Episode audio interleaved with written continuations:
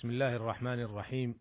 الحمد لله رب العالمين وأصلي وأسلم على أشرف الأنبياء والمرسلين نبينا محمد وعلى آله وأصحابه أجمعين. أما بعد أيها الإخوة المستمعون السلام عليكم ورحمة الله وبركاته. تحدثنا في الحلقة السابقة عما رواه البخاري عن سعيد بن أبي بردة عن أبيه عن جده عن النبي صلى الله عليه وسلم أنه قال على كل مسلم صدقة. فقالوا يا نبي الله فمن لم يجد؟ قال يعمل بيده فينفع نفسه ويتصدق. قالوا فمن لم يجد؟ قال يعين ذا الحاجة الملهوف. قالوا فإن لم يجد؟ قال فليعمل بالمعروف وليمسك عن الشر فإنها له صدقة. وعرفنا ما في هذا الحديث الشريف من فوائد وأسرار تحث المسلم على أن يكون نافعا لنفسه ولأسرته ولمجتمعه ولأمته. وفي هذه الحلقة نتحدث عما رواه البخاري وغيره عن أبي سعيد الخدري رضي الله عنه أن ناسا من الأنصار سألوا رسول الله صلى الله عليه وسلم فأعطاهم ثم سألوه فأعطاهم ثم سألوه فأعطاهم. حتى نفد ما عنده. فقال ما يكون عندي من خير فلن أدخره عنكم. ومن يستعفف يعفه الله ومن يستغني يغنه الله ومن يتصبر يصبره الله. وما أعطي أحد عطاء خيرا وأوسع من الصبر. هذا حديث مليء بالفوائد والحكم والأسرار يرسم للنفس المسلمة منهجا في التعامل مع المال. نقف مع هذه الفوائد الوقفات الآتية. الوقفة الأولى. قال في الحديث حتى نفد ما عنده. نفد بكسر الفاء أي حتى فرغ ما عنده. وقال فلن أدخره عنكم. أي فلن أحبسه. أي فلن أحبسه وأخبئه وأمنعكم إياه. منفردا به عنكم. قاله ابن حجر رحمه الله. وقال ومن يستعفف؟ في رواية ومن يستعف؟ والمقصود يترفع عن سؤال الناس. الوقفة الثانية دل هذا الحديث على أن الناس كانوا يسألون الرسول صلى الله عليه وسلم فيعطيهم مما يأتيه.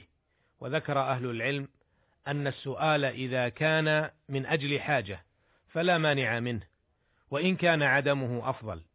قال ابن حجر رحمه الله وفيه جواز السؤال للحاجة وإن كان الأولى تركه وإن كان الأولى تركه والصبر حتى يأتيه رزقه آه، بغير سؤال.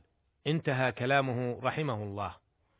وهل يمتنع الإنسان من أخذ شيء أعطي إياه وله فيه حاجة؟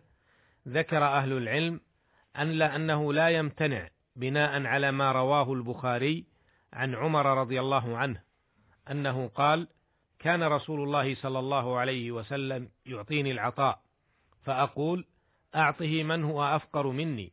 فقال خذه إذا جاءك فقال خذه إذا جاءك هذا المال إذا جاءك من هذا المال شيء وأنت غير مشرف ولا سائل فخذه فلا ولا تتبعه نفسك. الوقفة الثالثة. دل الحديث أيضا على كرم الرسول صلى الله عليه وسلم وجوده وتوالي عطائه.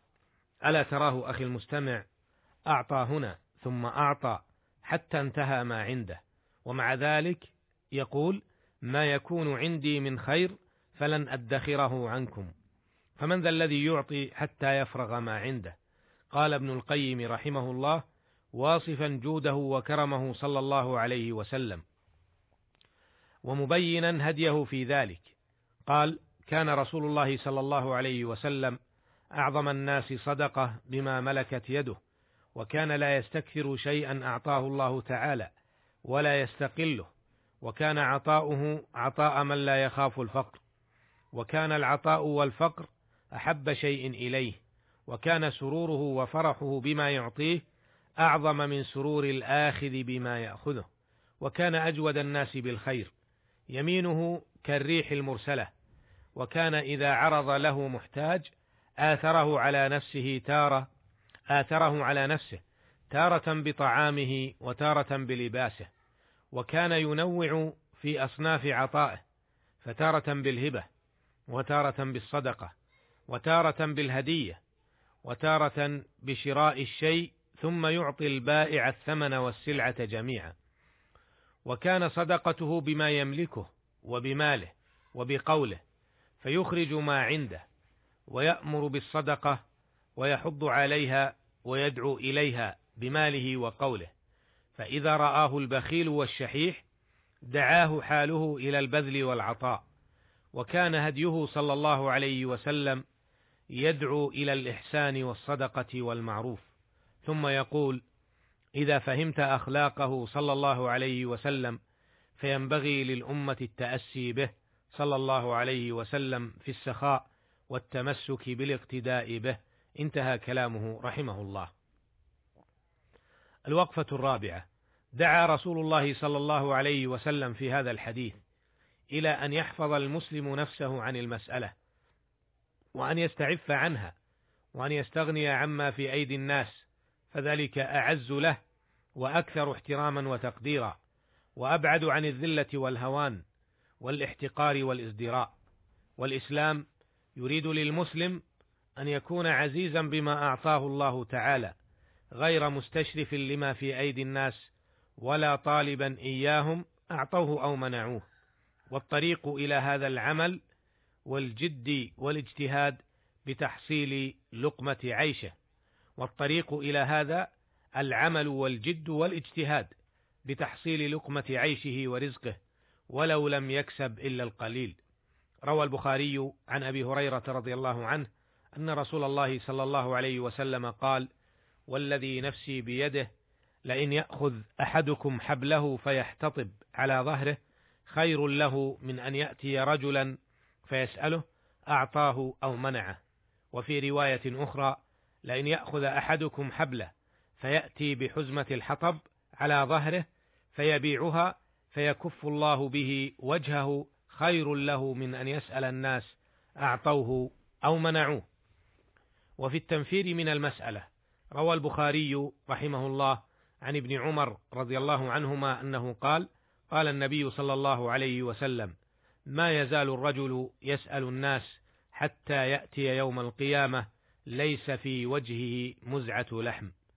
وروى البخاري أيضا عن حكيم بن حزام رضي الله عنه عن النبي صلى الله عليه وسلم أنه قال اليد العليا خير من اليد السفلى وابدأ بمن تعول وخير الصدقة عن ظهر غنى ومن يستعفف يعفه الله ومن يستغني يغنه الله.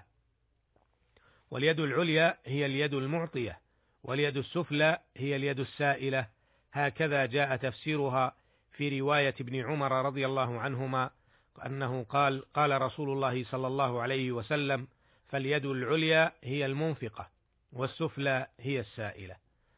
الوقفة الخامسة. قد يبتلى المسلم في رزقه فمهما بذل من الأسباب لا يتحصل إلا على الشيء القليل. وهنا يرشد الرسول صلى الله عليه وسلم في علاج هذا إلى التنبه إلى أمر عظيم وهو الصبر. وليس الصبر دعوى يطلقها الإنسان فحسب بل هي خلق يتمتع به المرء حتى يبلغ مقصوده. وقد يكون من عادة الإنسان التعجل وعدم الصبر وفي هذه الحالة عليه أن يتصبر. فمن يتصبر يصبره الله والعلم بالتعلم والحلم بالتحلم والخلق بالتخلق. أسأل الله تعالى أن يرزقنا رزقا حلالا طيبا مباركا فيه وأن يغنينا بحلاله عن حرامه وبفضله عمن سواه. إنه سميع مجيب وهو المستعان. وإلى اللقاء في الحلقة القادمة إن شاء الله. والسلام عليكم ورحمة الله وبركاته.